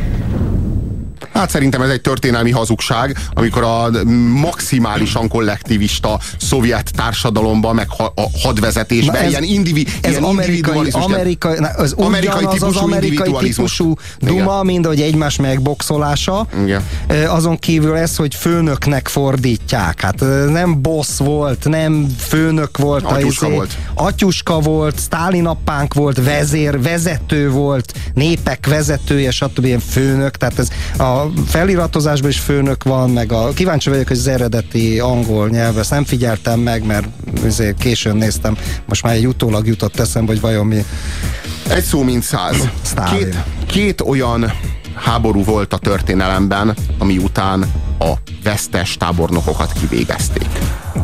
Az első ilyen az a francia forradalom idején zajlott az intervenciós csapatok ellen, tehát tulajdonképpen a francia forradalom honvédő háborúja volt, a második ilyen az a második világháború keleti frontja volt a szovjet oldalon ahol nem lehetett csatát veszíteni. Tehát aki csatát veszít, az vagy megöli magát, és akkor disztemetést kap, vagy mi végezzük ki, és el, elkotorjuk. Itt megöli magát, azt mondja megöli. Ruscsov neki, hogy kerüljük a bürokráciát, Na, és igen. oda tesz egy stukkert elé. Na igen. És szóval, agyon lövi magát. Na, egyébként... szóval, szóval várjunk csak egy pillanatra. Mi a garanciája annak, hogy egy háborúban, háborút nem lehet elveszíteni? Az egyik az a társadalmi mobilitás, tehát hogy akárki, akármikor, ahogy Napóleon mondta, mindenki a tarsójában hordozza a marsalbotját, tehát hogy bárkiből marsal lehessen, bárki, tehát hogy, hogy mobilis legyen, tehát hogy ne az legyen, hogy az arisztokraták úgyis a tisztek, a parasztok azok meg úgyis a ágyútölt, ágyútöltelék, hanem, hanem éppen ellenkezőleg bárki, bármikor, és az Stalin is megteremtette ezt a lehetőséget. Ugye a francia forradalomból, meg a hirtelen polgáriasult francia társadalomból ez következett a, a, a társadalmi mobilitás, de Stalin is megteremtette a lehetőséget erre, hiszen a háború küszöbén lefejeztette a komplett tisztikarát, tehát onnantól kezdve megteremtődött a társadalmi mobilitásnak a lehetősége. Hitler ugye mondja is a bukásból, hogy nekem is kell, le kell, ki kellett volna végeztetnem a tábornokokat, a német nép söpredékét, mint Stalin. És nekem az a véleményem, mélyen az a véleményem, hogy az a hadsereg, ahol a társadalmi mobilitás, vagyis a ranglétrán való dinamikus fölemelkedésnek a lehetősége meg van teremtve, Továbbá katona, mármint tábornok, tehát hadseregvezető nem veszíthet csatát, mert akkor kivégzik, ez a két elem, ez garantálja a győzelmet. Egy ilyen hadsereg nem veszíthet. Mint ahogy nem is veszített soha a történelemben. Kiegészítenem az egy-két dologgal. Egyrészt a francia forradalomban nem csak vesztes tábornokat végeztek, hanem győztes tábornokokat is. Például Westerman tábornokot, aki földúrta egész Vandét a, a Danton perbe, azon kívül más tábornokokat is, mert hogy nem parancsra győztek, és ez a totalitárius gondolkodás lényege. Tehát, hogyha megszegik a parancsnok, parancsnokt és úgy győznek, akkor is ki kell őket végezni. A másik pedig, ami a ruszkiknál megfigyelhető volt, hogy a régi ősi keleti despotikus társadalmakban mindig megvoltak a hajcsárok, akik hajtották korbáccsal, meg tűzzel előre az embereket, ezek voltak itt az NKVD-s tisztek. A terror közegében zajló háború a totális háború. Nem csak német részről, mint írtóháború, hanem szovjet részről is, mint írtóháború, csak ott nem a németek, hanem szintén a, tehát mindkét oldalon a orosz embereket gyilkolták, azt lehet mondani. Erről szól a keleti front. Bevallom valaki mást. Vártam. Semmiképp sem ekkora tekintét. Bizonyosan jó oka volt rá, hogy belekeveredjen ebbe a pokoli szituációba. Az én seregemet nem ilyen harcra tervezték. Tegnap újabb 25 őrmestert kellett előléptetnem a lövészeik által megölt tisztek helyében. Ezek a lövészek demoralizálják a sereget. Ez a város már nem más, mint egy romhalmaz. De a Führer csak nem tágít. Úgy érzi, ez személyes ügy közte és Stalin között. Bízzunk a Führer ösztöneiben. Mindig sikerült kivívnia a győzelmet. Karácsonyra otthon leszünk. Hogy szándékozik megtalálni ezt az ifjú oroszt? Megoldom, hogy ő találjon meg engem. Paulus tábornok, aki bírálja a Führer bizonyos értelemben, és arra utal, hogy esetleg Stalingrádot meg lehetne kerülni, körbe lehetne venni, ki lehetne őket pár év alatt éheztetni. Miért kell minden áron ezt a város bevenni? Csak azért, mert Stalin városnak hívják. Lehet, hogy már réges-régen a Kaukázusban lenne a helyük. Hát a nácikra jellemző volt a szimbolikus, mágikus gondolkodás, és itt vesztettek rajta. Azt írja a kedves SMS író, hogy igen, The Boss, ez hangzik Jaj, el a filmben. De ciki, de ciki. Sajnálatos. De ciki. Hát ez a film azért, az, én számomra azért mindenképpen egy hetes. Nagyon izgalmas, nagyon-nagyon parádésan Megadom, megadom, megadom, megadom a hiteltelenségei ellenére. Akkor kölcsönösen Mert hetest le, le, lebilincselő, na. Igen, aha. Vétel, vétel. Reklám a Rádiókafén. Kiteremtette az embert. Aki letépett egy fűszálat, elsőként fogta össze többét annak végével, s így szólt. Bezárom. Aki járás közben először figyelte meg, nem a dolgok maradnak el mögöttem, én megyek. Aki elsőként fogalmazta meg a nyilvánvalót, meg fogok halni. Puzsér Robert forrás című kötete Magyar Dávid fotóival és Müller Péter ajánlásával még kapható a könyvesboltokban. Reklámot hallottatok. Jó vételt kívánunk. Most nem azért, de tényleg rádobhatnátok egy órát a filmkritikai műsor idejére, írja a kedves SMS író, és mi meghatottan könnyeinket nyeldesve köszönjük meg a bizalmat. tényleg, örülünk ilyenkor. Na, milyen volt ez a keleti front? Nehéz leírni. Kemény. Ez egy ideológiai háború volt, tehát ez egy írtó háború volt. Totális háború igen. volt. Az SS-nek annak két, két része volt, ugye volt a fegyveres SS, a, A a Waffen SS. Waffen SS, ugye?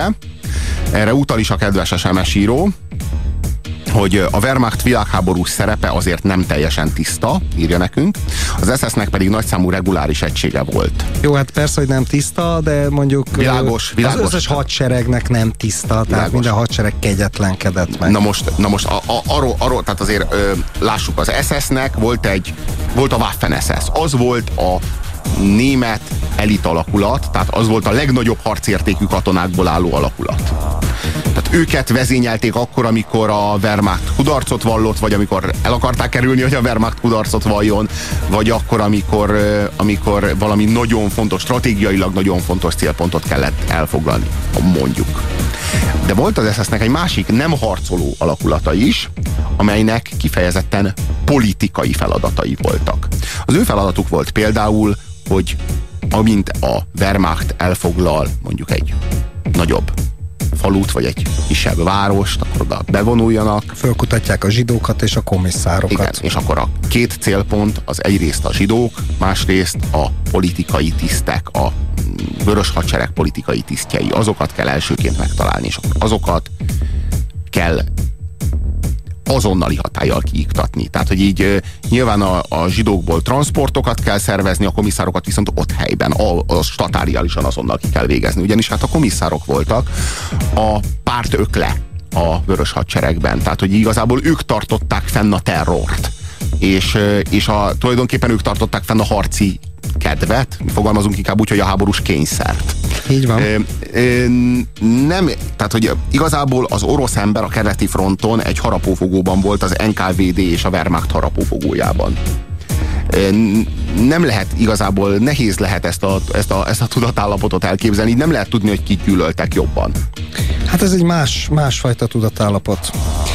Na térjünk, térjünk negyedik filmünkre rá. Még mielőtt rátérnénk a negyedik filmünkre, e, ejtsünk azért egy rossz szót a a ellenség a kapuknál szerelmi száláról is, mert az, amiatt én azért szomorú vagyok, ott egy kis szerelmi háromszög alakult ki Rachel Weisz, Joseph Fiennes, aki ugye a Ralph Fiennesnak az öccse, és itt éppen a komisszár elvtársat játsza ebben a filmben, Danyilovot, aki a zsidó származású komisszár elvtárs úristen, ő két golyót is kapott volna. és, és ugye a, a Jude Law által játszott Vasily Zaitsev mesterlövész között egy ilyen kis szerelmi háromszög alakul ki, egy kis árulással, egy kis meghasonlással, nagyon sok hősiességgel, meg ilyen amerikai pátosszal hát aminek, aminek szerintem semmi keresni valója nincsen, az akinél puska van, lő, akinél nincs, az követi világában. Tehát én, én azt gondolom, hogy ez egy olyan világ, ahol nincsen szükségünk szerelmi háromszögekre, meg összebújásra a lövészárkokban, mert... mert, a mert folyosón, ott alszik igen. mindenki körülöttük, és akkor ott szeretkeznek. Igen, Na igen, igen, igen szóval igen, van egy... Igen. Bár meg kell mondjam, hogy az a szeretkezős jelenet az annyiban viszonylag hiteles, hogy nem az a hogy is mondjam, nem az a megszokott filmbeli szeretkezős jelenet, tehát igen, azért igen. eléggé furcsa az a hát dolog. Igen, eléggé, tehát kicsit, egy kicsit illúzió romboló, de azért de, de próbálták, is. próbálták a rendezők, vagy a rendező próbált egy kicsit kompenzálni ezt a szerelmi szálgagyit, amit ő csempészett bele a sztoriba. Tom Beringer írja a kedves SMS író a kérdésedre, valaki nem jutott az eszedbe is, az Tom Beringer Aha. volt. Igen, igen. Már emlékszel? A Piszkos 12-ből a, a tiszt, ugye? Nem, biztos, hogy nem ő. Ő biztos, Na hogy nem. nem Tom Beringer. Tom Beringer az a, hát az a, szakaszban, a szakaszban játsza Ja, hülye vagyok, nagyot. persze, a sebb helyes arcú. A, a, a lövész, így van, így van. Hát hülye vagyok, igen. persze, Na. tehát piszkos 12-ben mása. Nem. Na most, azt írja a kedves SMS író, hogy a Stephen E. Ambrose műve alapján készült Elit Alakulat című filmsorozatot is említsétek meg. Harmadosztályú színészekkel forgatott hiteles produkció, kiváló látvány, megéri megnézni, és jön a csendes óceáni hadszintéren játszódó folytatása is 2010-ben, írja nekünk Joe. Köszönjük. Na most ö, ö, mielőtt még rátérnénk a, a harmadik, a negyedik filmre, szintén a keleti frontról tudósít nekünk, talán hitelesebben is egyébként, mint a Hát az biztos, hogy hitelesebben. Miért volt ez a keleti front egy ilyen totális háború?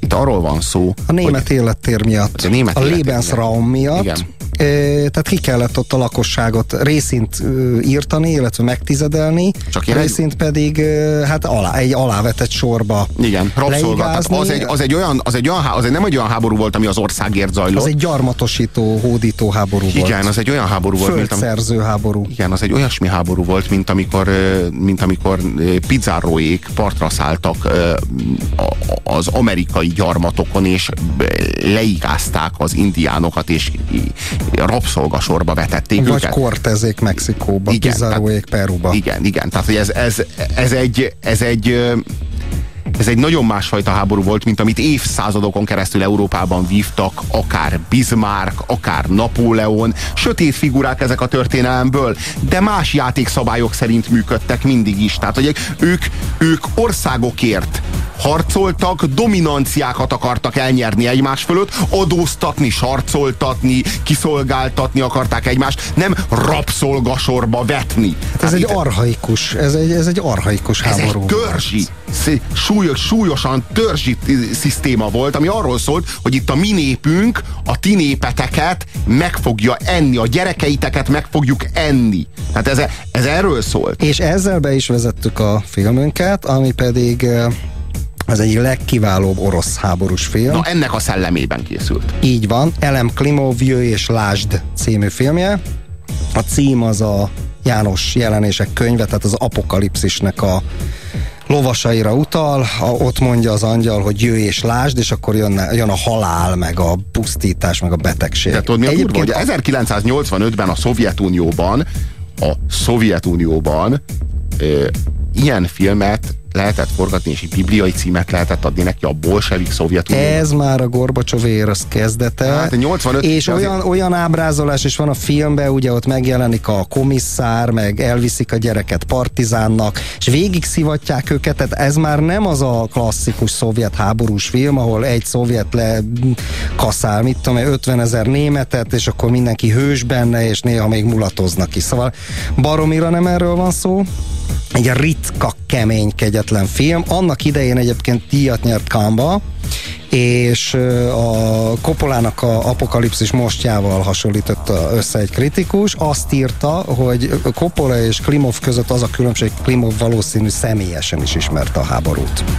Na most ez a film az, a, a németeknek az élettér ö, foglalásáról szól tulajdonképpen, egy bielorusz falunak, illetve többnek a kiirtásáról. Tudni kell azt, hogy Bielorusszia szemben Ukrajnával, ahol az ukránok tömegesen álltak át a németekhez, mert ott voltak ugye a sztálini korban nagy éhezések és és egy gyűlölték a, az oroszokat. Régi történeti hagyományok miatt is ugye ilyen erős ukrán nacionalista, Jó, szeparatista talán, hogyha, talán, hogyha az ukrán anyáknak nem kellett volna saját gyerekeiket megfőzni és megenni ahhoz, hogy ne halljanak hát ilyen. Ezt mondom, hogy részint a nagy éhezések voltán, de részint van egy ilyen régi ukrán önállósodási törekvés is, tehát nyilván is is. Ezzel szemben Bielorusszia máig oroszabb az orosznál. Ugye ott van Lukasenkónak az Igen. utolsó megmaradt szocialista, államszocialista, vagy olyan jellegű diktatúra ma Európában, és ez nem véle, és támogatja a bielorusz lakosságnak 80-90 százaléka.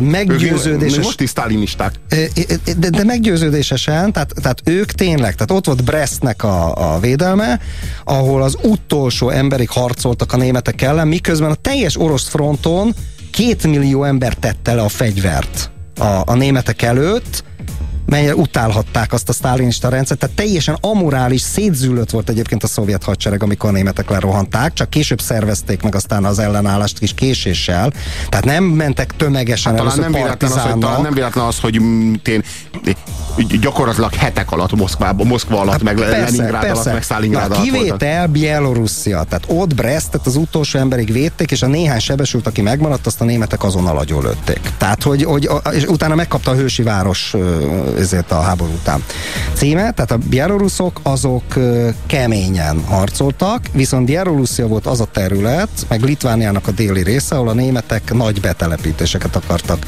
véghez és elkezdték a lakosságot gyilkolászni. Tehát ott volt az, hogy tényleg csecsemőkkel teletömött kutak, meg ilyen, ilyen ritka borzalmak. Tehát ott valódi holokausz zajlott. Tehát a zsidó holokauszt mellett van egy ilyen bielorusz holokauszt szintén, amit a nácik csináltak. A film végén van is egy fölirat, hogy 628 bielorusz falut égettek föl a lakosaikkal együtt. Nekem, nekem nemrég mesélt egy ismerősöm, hogy van egy bielorusz kollégája, akinek a nagyszüleit tényleg kiirtották, és a falujuk helyén minden há- most olyan emlék hely az a falu, hogy nincsenek házak, minden fölégetett ház helyén van egy kis harangtorony, vagy ilyen harangláb, csak más irányba, és akár merről fújott a, özén, ott a sztyeppén a szél, mindig harangoznak egyfolytában, a nap 24 órájába. Na, szóval ezt kell tudni Bielorussziáról, és ez 1943-ban játszódik Bielorussziába, és egy népírtás a nagyon konkrét, látványos megjelenítése, ráadásul azért különleges még a film, mert Klimov a horrorfilmnek a, az eszközeit is beveti, és amikor így beszéltünk a, a Halál 50 órájáról, hogy először megjelennek a németek emberi oldalról, illetve föltűnik egyfajta respekt az amerikai filmeseknek, illetve az amerikaiak részéről a német katona iránt. Na most hát, hát itt, itt nincs respekt. Itt, itt nincs, tehát itt a németek nagyon vámpírok. Egyébként, és, és ráadásul... Jó, a keleti front ebben is különbözött a nyugati fronttól. De ott tényleg azok is voltak. Igen, az igen, a, igen, igen. Varsóba is, Oroszországba is, Ukrajnába is, hogyne, persze. Mm, e, na most, e, hogyha kíváncsiak vagytok, hogy ez a bizonyos Jöjj és Lásd című szovjet háborús filmdráma, ez körülbelül mit tud, milyen érzésvilágot, vagy milyen, milyen, milyen pszichés sokkot tud okozni a számotokra, akkor hallgassatok bele egy kicsit ennek a filmnek az atmoszférájába, azt javaslom.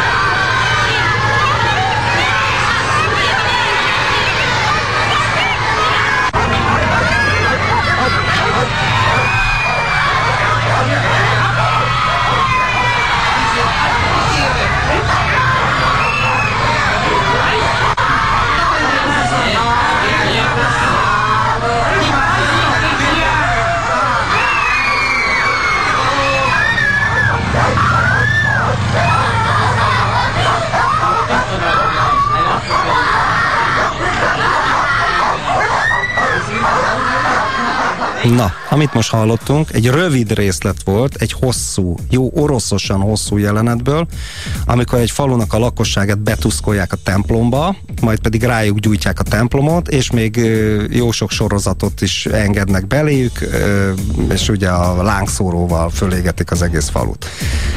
Ö, és közben papírokat iratnak, tehát szól valami fonográfból valami német zene, és papírokat iratnak alá velük, ilyen stemplis papírokat, hogy átvették a vagyonukat, hogy valami, tehát teljesen irracionális, ilyen bürokratikus, és ugye eszünkbe jut ez a koncentrációs táboros dolog, ahol szintén ez a német bürokrácia így működött.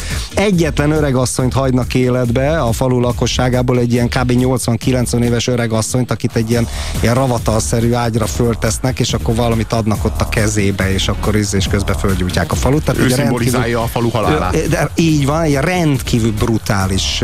Tehát olyan, ami egyébként háborús filmekben nagyon gyakran kerülik azért a, a nyílt brutalitást. Tehát én például nem láttam olyan, nem emlékszem olyan koncentrációs táborbeli filmre, ahol konkrétan mondjuk az elgázosítást lehet látni. Mindig csak a eredményét, vagy utalnak, vagy jön vagy a füst a kéményből. Vagy a, vagy, a, vagy a Spielbergnek a filmjében, amikor behajtják őket, és akkor végül is a zuhanyból víz, víz folyik, igen, noha lekapcsolják a villanyt, igen, stb. Igen, stb. Igen, Tehát, hogy ez, ezt az egészen durva dolgokat kerülik. Na most ez a film meg nem, nem kerüli, ez nem kerüli. Miközben vannak benne horrorisztikus részek is, tehát üres falut látunk, zümmögő legyekkel, és eldobált játékbabákkal a földön, és nem tudni, hol a lakosság, és akkor keresi a fiú a szüleit, belenéz a kútba, és akkor biztos a szigeten vannak, és akkor fut el a, fut el a őt kísérő lányjal, és akkor a lány így visszapillant, és csak egy másodpercig látjuk azt, hogy egy, egy hullahegy van ott a legszélső háznak a, a szélén, és a fiú meg fut előre, és úgy nem akar oda nézni, vagy nem akarja észrevenni, és a földúton van egy valami fehér vászon ruha, vagy, vagy igen, egy vászon darab, ami, ami valaki lehetett, amikor ott elhajtották őket, szóval kőkemény, kőkemény jelenetek vannak benne. No hát ez, a, ez az keleti fronton zajló háborút elsőrendűen a német fajelmélet ihlette. A német fajelmélet jelentette az alapját és hogyha nincs a német faj elmélet, akkor nem lehetett volna így háborúzni. Itt arról van szó. Akkor egyébként lehet, hogy meg is nyerték volna a németek a háborút. Ez a poén az egészbe. Nagyon valószínű. Ez a poén. Hát, már sokkal előbb lett volna atombombájuk, hiszen ha nincs a német faj elmélet, akkor Einstein nem, nem vándorol ki Németországból. És Heisenbergék nem szabotálják a, a, ezért, a, a atombomba előállítását, mert a tudósok maguk is szabotálták, mert Hitlert egy őrültnek tartották. Tehát e, nyilvánvalóan, és, és hát a keleti frontot, hát így, ha nincs az írtóháború, hát e, szerintem simán legyakták volna őket. Meg hát, hogyha nem Hitler vezeti azt a hadsereget. Tehát, hogy, az a, az a, tehát, hogy itt arról van szó, hogy amikor egy rendszer ilyen mélységesen ideológiai ihletettségű, akkor már nem, nem csak arról van szó, hogy az ideológia támogatja a rendszert, és támogatja a hadsereget, és támogatja magának a népnek a harcát, hogyha így fogalmazhatok, bár itt szerintem elsősorban a vezetők harcáról van szó, nem a népéről, hanem arról van szó, hogy az ideológia az lehetőségből kényszerré válik, és létre, létrejön az ideológiai kényszer. Amikor arról van szó, hogy hiába vannak a végnapjai egy birodalomnak, és küzd a túlélésért a keleti fronton, minden nap fagynak meg a katonák, és a vért és verítéket izzadva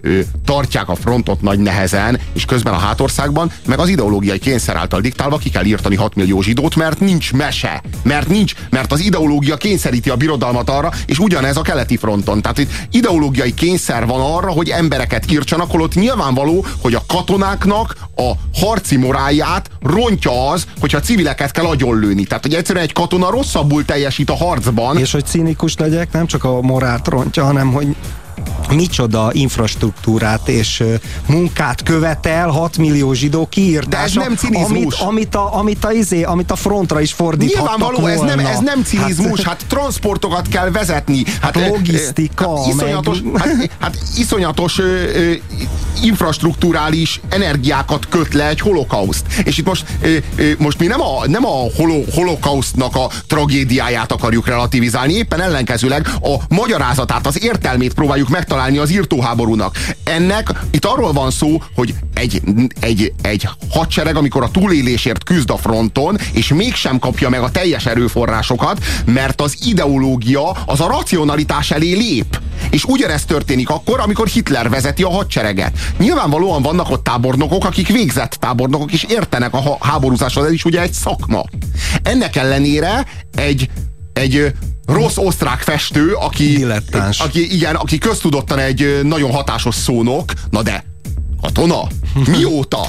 Tehát tizedes volt, utána leszerelt, és abból lett generalissimus. Tizedes tehát, volt egyébként. Igen, tehát, hogy így, így, és gáztámadás szenvedett, és átmenetileg meg is vakult. Na most ő vezeti a hadsereget is. Három felé osztja a hadsereget. Mert azt mondja, hogy majd északról megyünk, a Leningrád ellen, délen Paulus, Afrikából Rommel, Középen mi, Moszkva. Igen, középen Moszkva, mert mi... És mi, még ott van Londonban mi, mi, mi, mi, mi, Ja, hát meg közben fönn kell tartani a visi kormányzatot, ott is le van kötve egy csomó erőnk. Aztán majd, hogyha megnyílik a keleti front, akkor majd oda újabb hadseregeket kell vezérelni. Hát így le legyünk kötve olyan jó nyolc felé. Az a legjobb. Úgy majd megnyerjük a háborút. Hát persze. Tehát az az igazság, hogy ezt a háborút, ezt, az a, poén, ez a háború, ez nyerhető lett már volna. Az első, már az első Csak, világháborúban is befürödtek a Blitzkrieg-gel és nem tanultak belőle semmit. Na, jó, mindegy. De ez volt a mániája. Tehát Hitlernek ez volt a, ez volt a válasz mindenre, ez volt a megfejtés mindenre, mert, hogy villámháború, az majd, az... Hát mert hogy a kozmikus erők velük állnak, stb. Tehát ez az irracionális gondolkodás. Ne, itt, ne, itt tényleg arról van szó, hogy a Führer bevetett vallásos hit, ugye Hitler, ugye, talán nem véletlen, Jaj, ez nem rossz. lehet, ez nem, Jaj, ez nem, ez, ez gyakorlatilag egy, hogy mondjam, azt lehet mondani, hogy 1941-ig, fogalmazunk így, 1941-ig támogatta a, a német hadsereget, meg a, meg a, a német, 41 németeknek óta, az expanzióját. 41 óta mindenki pedig, tudta, hogy nem tudjuk megnyerni ezt a háborút. Akinek mondta. egy kis esze van, mondta Robert Shaw, ugye, Hessler ezredesnek a, a, a szerepében. És 41-ben, amikor a fordulópont volt, onnantól kezdve a Führernek ez az ihletet vezető szerepe, ez egyre inkább koloncá vált, és egyre, egyre inkább csak hátráltatta a német népnek ezt a német népnek ezt a nagy háborúját, úristen. Szóval, szóval, szóval ezt a vérengzést, amit zajlott, főleg a keleti fronton. Szóval azt lehet mondani, hogy ugye volt nekik ez a bizonyos fajelméletük. Ugye a csúcson van az árja németség. Akkor alatta vannak a rokon népek, skandinávok, franciák, olaszok, britek. És akkor alatta vannak a keleti népek, az úgynevezett rabszolga népek, többek közt mi magyarok is egyébként, ezt a nemzeti szocialista érzelmi magyaroknak üzenjük innen, hogy hogyha nagyon-nagyon szeretnének Szibériában követ fejteni, akkor Zik Heil. És akkor az alatt voltak a, ugyebár a zsidók, akik a kiirtandó népek voltak, és akkor gondolom, hogy feketék, cigányok és egyéb különböző népek, igen, akik, igen, igen. akik a legalján voltak ennek a, ennek a tehát hogy itt volt egy, volt egy fajelmélet fajelmélet, egy tudományosnak láttatott fajelmélet, ami alapján keleten ezt a írtóháborút meg kellett vívni. Tehát ott azokat ki kellett írtani. Mert az, tehát, hogy mondjam, az ideológia a racionalitás elé lépett, és egy ilyen háborút pedig nem lehet megnyerni, mert ez egy irracionális Egyébként háború. a magyarokra visszatérve, tehát ö, Baskíriába, Baskír területre átrepültek német, a Moszkva ostrománál német gépek, és ott szétszórtak ilyen ezeket, röpiratokat, hogy a magyarok a régi hazájukat akarják visszafoglalni. Néhány SMS. Álmom egy magyar film a Donról. Már csak tisztelgésként is az előző generáció felé. A hit túl messze van, örök kedvenc, az a Halál 50 órája ikonfilm, írja a kedvenc SMS író. Aztán villámháború, páncélos erők támadása per égképzés és zavarkeltés az ellenség hátrába kerülve mély sebességen, mely a sebességen alapul első világháborúban nem volt blitzkrieg. Hát nem volt bizony, az is egy érdekes sztori, hogy De a... volt blitzkrieg terv, Hát hogy a fenében a von Schlieffen meg ezek találták ki? Hát volt. Nem, a, a, Megjelent a Blitzkrieg nem, az, az, az első világháború az egy, az egy, az egy lövészárok háború volt. Én nem a, azt mondom, hogy mi volt valójában, de a németek a, tűze, a tűzerőnek a mobilitása. Blitzkrieget akartak. Igen, a Blitzkriegnek a feltétele az az, hogy a nagy tűzerőt mobilizálni tudjad, és ez tulajdonképpen a harckocsik terén való nagy erő, előrelépés az, ami eredményezte ezt. A Schwindler listája című film hol maradt, kérdezi az SMS író. Hát arról mi már beszéltünk már régen. Beszéltünk. Fellelhető az interneten, ajánljuk a figyelmetbe. 22. Mária Terézia és 25. Hunyadi SS hadosztály. Sajnos ilyen is volt, írja kedves SMS Ahogy lett volna, a nagyapámékhoz voltak beszállásolva bunyadi páncélosok. Szomorúak vagyunk ez ap- ügyben. Apukám kiskorába kapott is egy halálfejes jelvényt a egyiktől. Ilyen kedves ajándék. Na jó, mindegy. Ilyen szép emlék. Hányas hányas erre a filmre a Jöjj és Lásd című 1985-ös szovjet filmdrámára? Ami meg DVD forgalomba, ugye? Tehát én nem találtam. Letölthető torrenttel, eh, angol felirattal a netről. Nem, ne, viszont VHS-en, VHS-en kölcsönözhető. TV-be adták kétszer. VHS-en kölcsönözhető, ha jó helyen keresitek, de mi nem adhatunk tippeket, mert ugye megértitek, mint nem reklámozhatunk mindenféle céget. Ja, ez világos, én általánosságban beszéltem. Igen, igen, mondom, hogy VHS-en megtaláljátok a filmet feliratosan. Hányast adsz? Én nekem ez a film, ez keményen tízes. Tízes film? Abszolút, abszolút. Egyik kedvenc háborús film. Én nem tudok a hetes fölé menni, de a, a rettenetes Más az két és fél, két és fél órás ráadásul. Patogatott, kukoricás, coca Jó, jó, jó, de azért, azért ne arra ugye, parasztokat hallani, a legépületesebb dialógus két és fél óra alatt, nem, az az volt, hogy szöveg. nagyon fáj a lábam, nagyon bebüdösödött a kapcám alá nem, a lábam. Azért Jaj, ez, nagyon, ez hülyeség, azért nem csak ilyen párbeszédek vannak benne, kétségtelenül hogy javarészt néma film, de ez önmagában semmit nem mond egy filmről. Tehát aki szereti az orosz mozit, a meditatív képeket, szereti mondjuk azt, hogy a Tarkovsky, azt a típusú mozit, ami Tarkovszkínál is benne van, akkor annak ezt ajánlom. Aki a, a látványos, gyors, kellemes, Tesco gazdaságos filmmegoldásokat kedveli, patogatott kukoricával és Coca-Colával és baseball sapkába, annak ezt a filmet nem ajánlom. Kedves hallgatók, ez volt a hétmesterlövésze a Rádiókafén Puzsé Robert Robertet és Farkas Attila Mártont hallhattátok. A második világháború nyugati, illetve keleti frontját feldolgozó filmekkel próbáltunk meg elszórakoztatni titeket, és nagyon reméljük, hogy majd a filmeknek a kikölcsönzésére és a megtekintésére is sort kerítetek majd. Most egy órán keresztül zenét fogtok hallgatni a Rádiókafén, én legalábbis nagyon remélem és ajánlom a figyelmetekbe a következő egy órát is.